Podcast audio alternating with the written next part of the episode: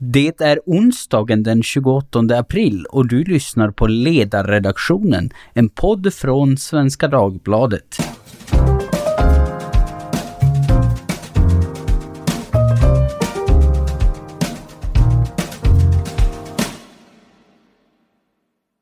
Jag heter Jesper Sandström och idag ska vi prata om en fråga som är på ganska mångas läppar, som det hålls stora och viktiga möten om, där våra politiker gärna vill vara med, eh, kanske ibland så gärna så att de råkar överdriva sin roll lite grann. Ingen nämnd och ingen glömd.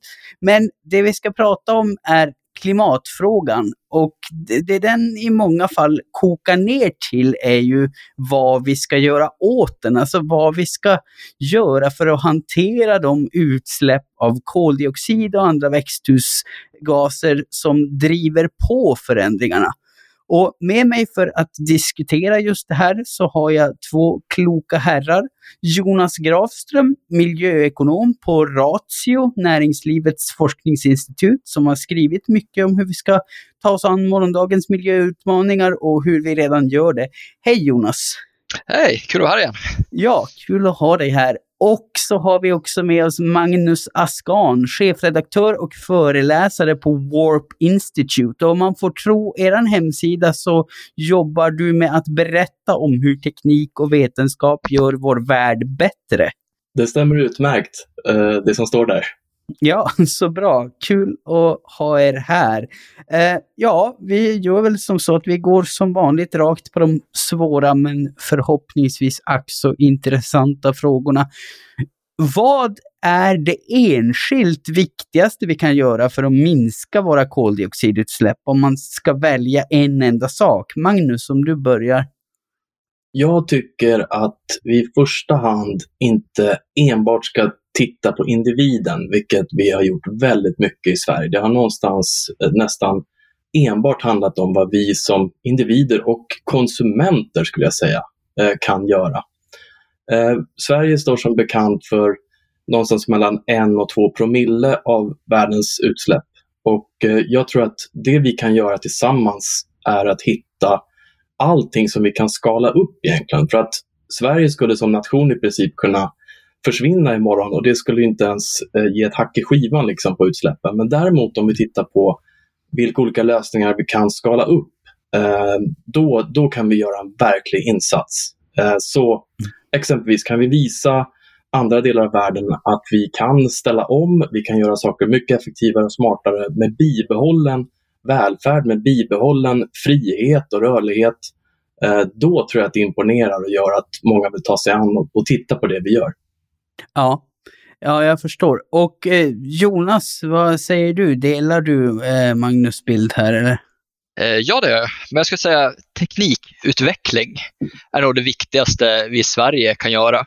För precis som Magnus sa så är vi inte så stor utsläppare globalt, men just teknisk utveckling är ju någonting som verkligen kan gå ut på hela planeten.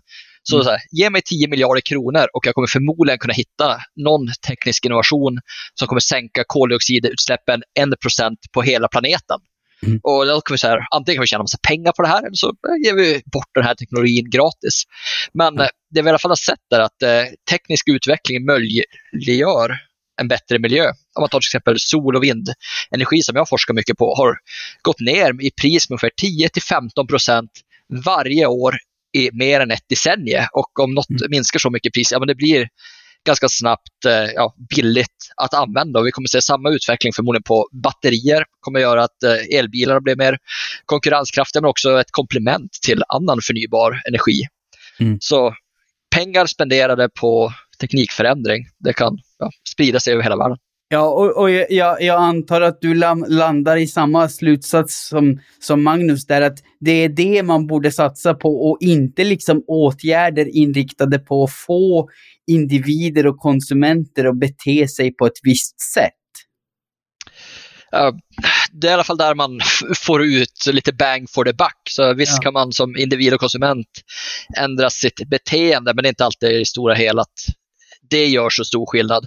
Men mm. visst, så är planetens alla människor är också individer, så om alla mm. ändrar sig så händer ju något. Men ja, jag tror det är lättare att eh, ja, tio personer sätter sig och tar fram en ny teknologi som gör att alla gör saker bättre utan att man ens vet om det. Mm. Jag, har ingen, jag bryr mig inte om hur min energi produceras per se. Alltså det är väl trevligt om den är grön, men jag vill att lamporna fungerar. Mm. Precis, precis. Och du vill att bilen går och sådär, men om den gör det på miljövänligt sätt, då, ja, då, då, får... då, då det, det, ja, så här, det, det, känns mycket bättre och det finns många olika aspekter om varför det är bra. Jag skulle bara vara glad om jag slapp betala massa pengar till diktaturer som Ryssland och eh, Saudiarabien. För jag tycker så här, varje tankad krona från Ryssland att rösta på Moskva motsvarande. Ja, ja precis. Jag förstår. Eh, men om vi då, nu när vi då har pratat om, om positiva saker man kan göra, det ska vi göra i, i lite mer i detalj. Men Eh, på motsatt sida då, finns det några fallgropar i arbetet med att hantera klimatutsläppen? Finns det risker att vi satsar på fel saker? Och vad kan det i så fall få för konsekvenser? Magnus, vad säger du om det? jag vill lyfta fram två saker. Då. För det första är att det är ett sådant enormt fokus just på risker och problem och eh, det, det, här liksom gör att folk nästan blir förlamade i den här diskussionen. Det finns ju enorma möjligheter och precis som, som Jonas nämnde här så, så har vi ju teknikutveckling nu inom sol och batteri till exempel som är helt makalös som gör att vi kan få fram energi egentligen i överflöd till alla på den här planeten. Eh, vi har verkligen det här inom eh, vår livstid att kunna lösa den uppgiften. Eh, så betydligt mer möjlighetsfokus.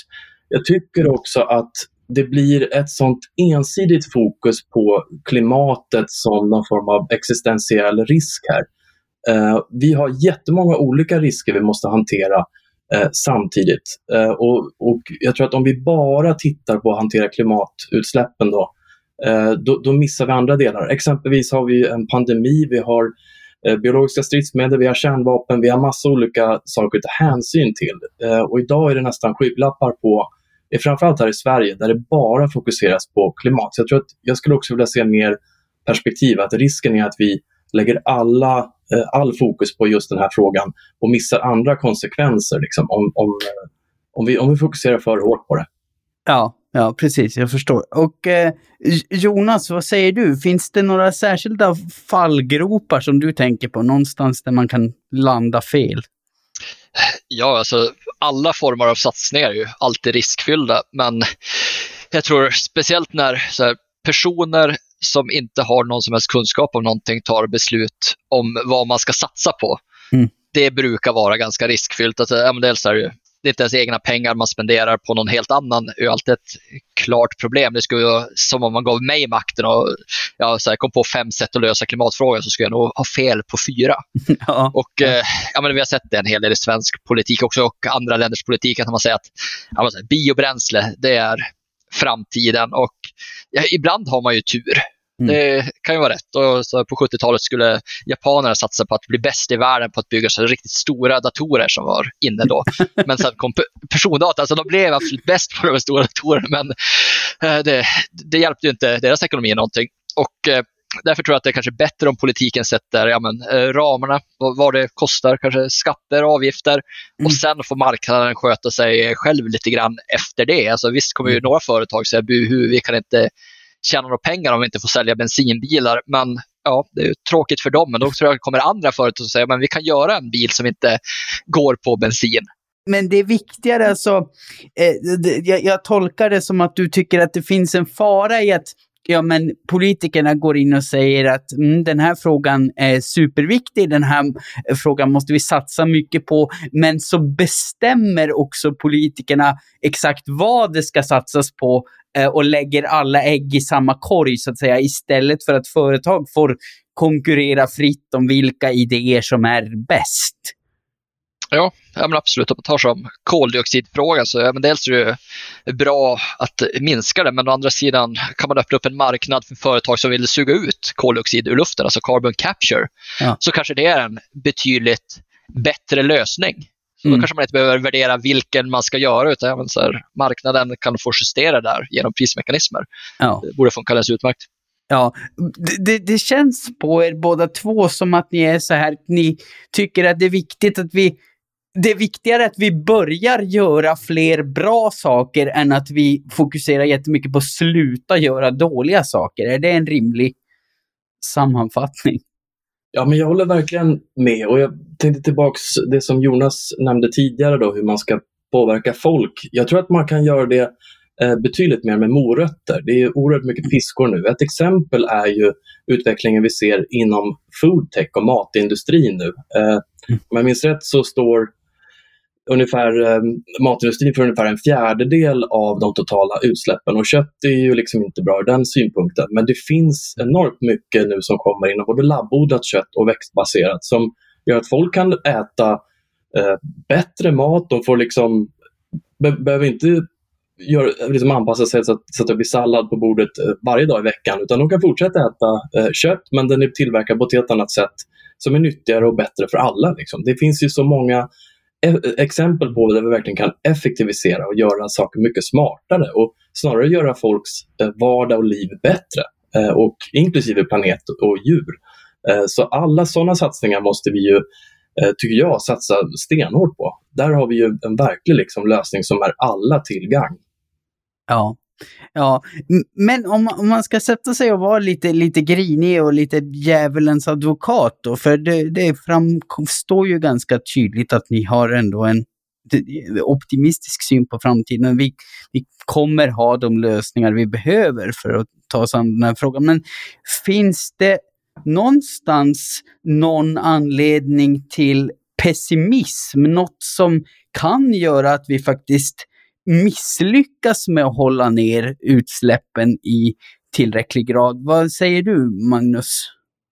Ja, men jag tror ju, med utgångspunkt från vad vi på Warp News då jobbar med, är att vi blir så påverkade av media. De flesta av oss har media framför ögonen många, många timmar eh, per dag eh, i våra telefoner och eh, vi får konstant en bild av att världen är i fullständigt förfall. Eh, för att mm dels så funkar våra hjärnor så att vi plockar upp det här och den här klickekonomin som många nyhetsmedier idag bygger på, eh, så att säga, de, de gynnas av det här narrativet. Men det mm. tror jag är en fallgrop därför att det gör att folk till slut stänger av och får också en helt felaktig bild av hur världen ser ut. Vi har haft mm. enormt mycket positiv utveckling också. Jag tror att de flesta inte vet till exempel att det är färre bränder idag eh, än, än vad det var för 20 år sedan eh, överlag på, på jorden och att det är färre utsläpp av olja till exempel. Det finns många sådana här utvecklingar som är väldigt positiva som inte plockas upp och folk missar. Man får en bild av att det bara är på väg utför. Liksom. Eh, ja. Det gör också att det finns, det här skapar en grogrund för extremism och rörelser som helt vill eh, liksom rasera de system vi har idag, som har byggt framsteg och, och byggt mycket bra. Det finns ju självklart problem som måste lösas, allvarliga problem. Men, men någonstans så, så missar man att vi har verktygen och det finns väldigt mycket som pekar i rätt riktning också. Så där skulle jag säga den, eh, det är den största fallgropen. Vi måste undvika den. Ja, ja nej, där, där höll optimismen benhårt i sig. Men vad, ja, vad säger Magnus du Jonas? Har, Magnus har helt rätt där tycker jag. ja, och, eh, ja, jag, jag, vet också att folk har inte någon aning om någonting och det hade väl inte jag heller före jag började skriva. Jag, jag och Christian Sandström, professor i Jönköping, skrev en bok om Mer för mindre. Så kollar vi på hållbarhet och tillväxt i Sverige. Och mm. eh, vi följer 60-talet olika faktorer och överlag blir allting bättre. Men när vi föreläser det här så brukar vi så testa lite grann och säga, vet folk det här? Och då är svaret nej, de vet absolut ingenting om någonting. Mm. Om man tar till exempel här, punkt 1, att eh, Sveriges BNP har ökat med 90 procent sedan år 1990. Befolkningen har växt med 1,6 miljoner människor. Mm. Och då brukar vi säga, men, tror ni att eh, utsläppen av koldioxid har ökat, minskat eller är detsamma? Och då är det nästan 99 procent som ja, de har ökat och de har förmodligen ökat jättemycket. Men Sveriges koldioxidutsläpp under den här perioden gick ner med 29 procent fast att BNP gick upp med nästan 90 procent. Ja. Så det är, ja, oavsett om vi frågar om elanvändningen samma period har stått helt stilla i 30 år. Samma sak, inrikesflyget, det händer ingenting. Vi kan sätta en miljon mer bilar på vägarna och utsläppen rör sig ändå ganska snabbt neråt. Så jag tror det är viktigt att förmedla en positiv bild som Warp News gör Att, eh, ja, men så här, om jag skulle storma Bastiljen där under franska revolutionen och eh, då vill jag inte ha, då vill jag ha ett brandtal att det här kommer gå bra. Jag vill inte ha en genomgång över hur dålig sjukvården är och hur stor chans det är att jag blir träffad av en kanonkula i magen och dör. Nej, nej det, är ju helt, det är ju helt sant. Men, men alltså är det där, om, om du eh, som, som ju i din arbetsbeskrivning har just optimismen och de goda nyheterna, Magnus. Är, är det den hållningen du har också, att optimismen är viktig för att få folk att agera och göra det som behövs? Eller varför är optimismen så viktig? Nej, men det är viktigt därför att folk måste få en mer balanserad och faktamässig bild av världen. Och jag tror att Hans Rosling har haft en effekt i Sverige som dock börjar avta, märker vi att det finns det här, de här pessimistiska antagandena. Jag, jag brukar säga så här att eh, jag vet inte hur många gånger sedan vi startade Warp News har, har fått den här kommentaren att ah, men det där låter för bra för att vara sant. Och jag menar på att om man ska vara kritiskt granskande så måste vi vända på det argumentet också och titta på ja, men det där låter för dåligt för att vara sant. Annars är du inte kritiskt granskande. Då, då bekräftar du bara någon slags pessimistisk eh, världsbild hela tiden. Så att vi säger inte så att, att någon bara ska läsa Warp News och tro att världen bara kan ses genom rosa glasögon, utan vi vill balansera upp att folk tar med det här i sin mediamix. Att man ja. ser båda sidor, så att säga.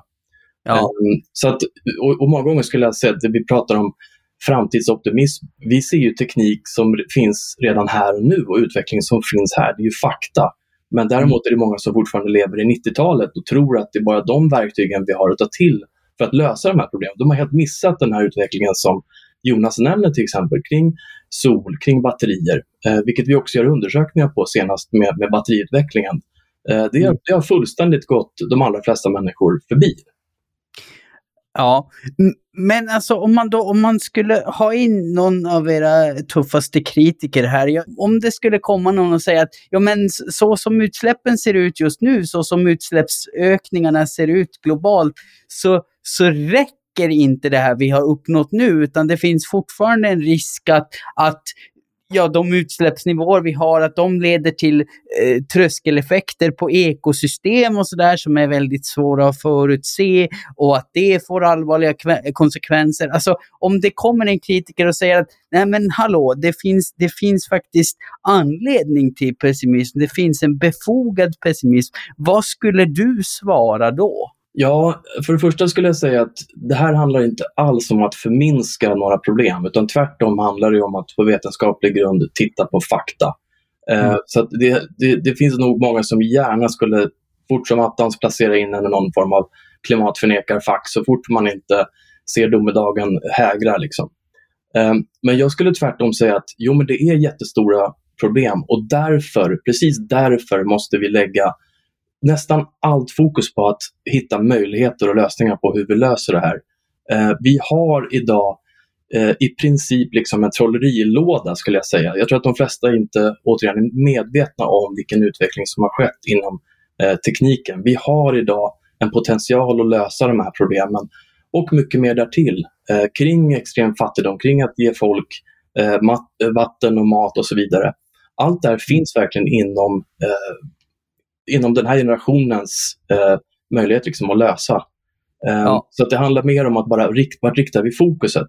Ska vi fortsätta att skrämma? Ska vi fortsätta måla fan på väggen och, och hota med domedagen? Mm. Eller ska vi lägga all kraft på att hur löser vi det här?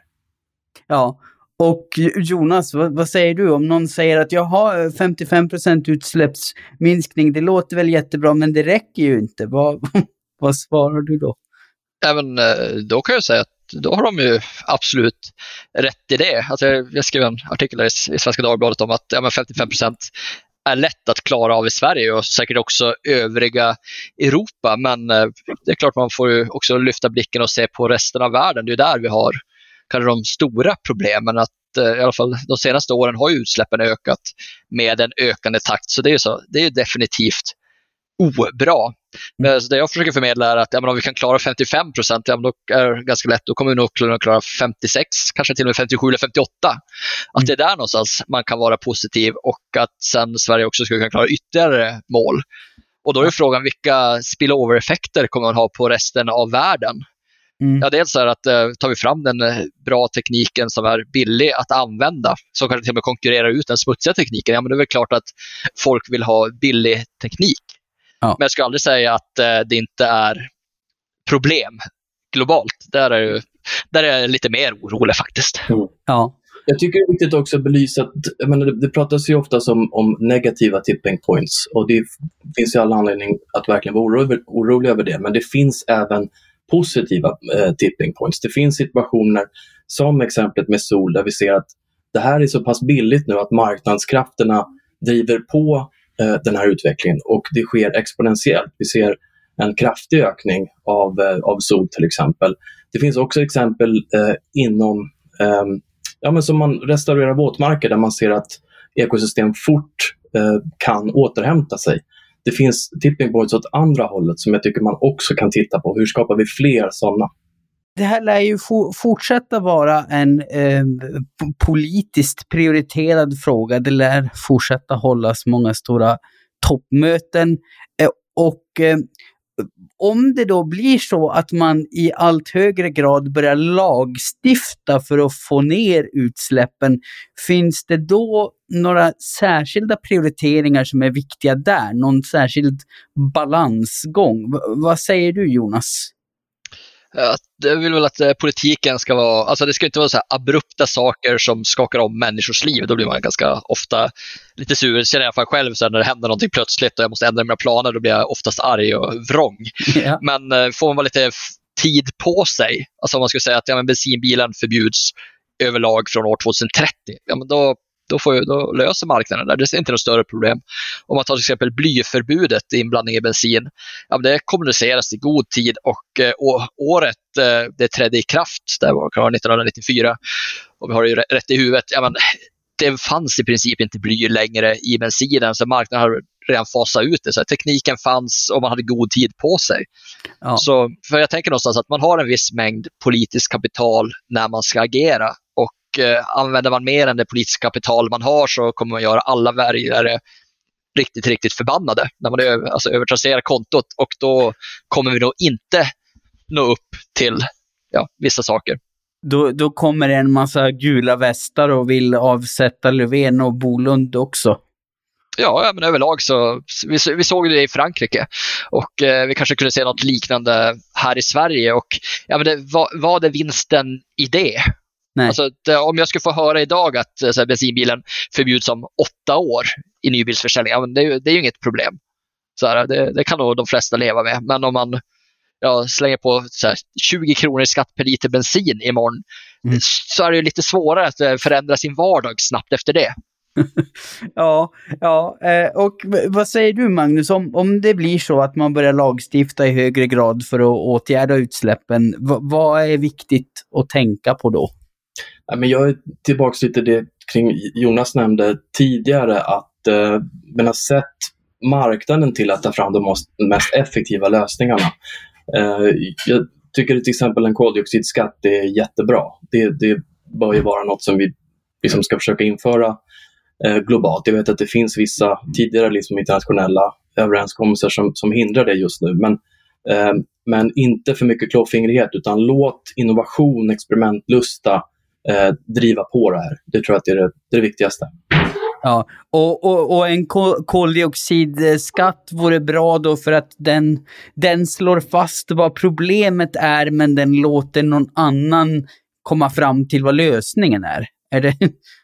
Ja, men exakt så. Och det är klart att metangaser är också ett annat problem. Det finns ju andra liksom, risker, men, men jag tror koldioxid är väl liksom det stora. Och eh, där, där, tror jag att det är bäst att, att låta då, som sagt, innovationsförmågan lösa problemet och få ner utsläppen. Ja, men lagstiftning slår ofta kanske inte riktigt som man hade tänkt det.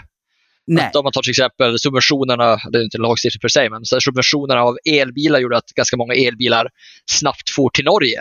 Så det, det, är inte jätteoväntat att om man har två områden med olika priser, att det finns arbitrage och människor tjänar pengar på det. Som ekonom skulle man säga, ja det händer. Mm. Men jag tror också om man till exempel skulle säga att ja, men nu är det förbjudet att köra bilar som släpper ut en viss nivå i Sverige. Ja, det kanske gör att man inte kör de här bilarna i Sverige, men de här bilarna kommer ju handla, hamna någon annans. Så det skulle också vara en ganska dålig lagstiftning. Och nu ser vi att många bilar ja, men de säljs ju till Östeuropa och sen till, ja, flyttkedjan ner till Indien och Afrika hamnar många svenska bilar i slutskedet. Så då kanske det bästa inte är att subventionera ut nya bilar på vägarna utan kanske köp upp alla de här gamla 90-tals Volvo 240 och gör dem till så nya järnklumpar och smält ner dem. Ja. Kanske skulle vara ett förslag. Så. ja, ja jo, nej, det, där är väl, det där är väl alltid viktigt att äh, påminna om äh, på, på alla politikområden att, ja, och i livet i allmänhet för den del, mm. att det blir inte alltid som man har tänkt sig. Äh, men då börjar det nog vara dags för oss att runda av för idag. Om ni inte känner någon av er att ni har något som ni bara måste tillägga till våra lyssnare? Ja, jag vill förstärka det där. Jag menar, vi, vi, vi, det är väldigt mycket problematisering, det är väldigt mycket domedag eh, nu i den här debatten. Jag tycker att en del av den här i alla fall kan läggas på att sätta fokus på möjligheter och att vi har eh, de här fantastiska teknikutvecklingen som, som gör att vi kan lösa väldigt många stora problem. Eh, då, då tror jag att vi har mycket vunnet. Ja. ja. Och det finns många tekniker där ute som vi inte ens har någon aning om finns än. Det finns säkert ett hybrid för plastindustrin och allt möjligt som är helt okänt.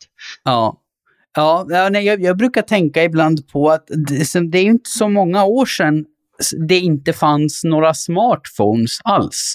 Och vem, vem hade kunnat förutse innan de fanns hur mycket de skulle förändra vår värld? Och jag gissar att det är lite samma sak på miljöteknikområdet.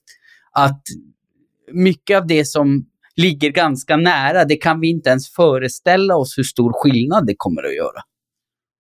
Är det, har jag rätt till det? Ja, men exakt så. Och jag menar, utvecklingen accelererar. Det är inte så att smartphonen var den sista stora uppfinningen, utan det här är bara början.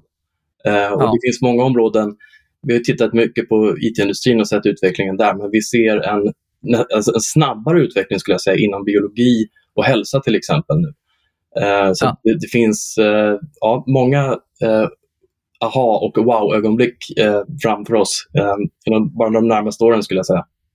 Ja, ja det, det ser vi fram emot. Det är trevligt med aha och wow-ögonblick. Det vet alla som har upplevt dem någon gång. Men med det eh, så får jag säga stort tack till Magnus Askan, chefredaktör och föreläsare på Warp Institute och Jonas Grafström, miljöekonom på Ratio, Näringslivets forskningsinstitut. Tack också till alla lyssnare. Feedback, klagomål, munterheter och oförskämdheter får ni gärna skicka till e-postadressen ledarsidan svd.se. Ni får också gärna fortsätta recensera oss på Apple Podcasts. Sist men inte minst ska jag i vanlig ordning påminna om vår utmärkta grannpodd Dagens Story. Ett ämne en kvart, fem dagar i veckan så man blir lite smartare och får lite bättre koll, vilket ni förhoppningsvis fick här också. Producent, det är som vanligt jag, Jesper Sandström, och jag kommer att sakna er innerligt fram tills dess att vi hörs igen. Hej då!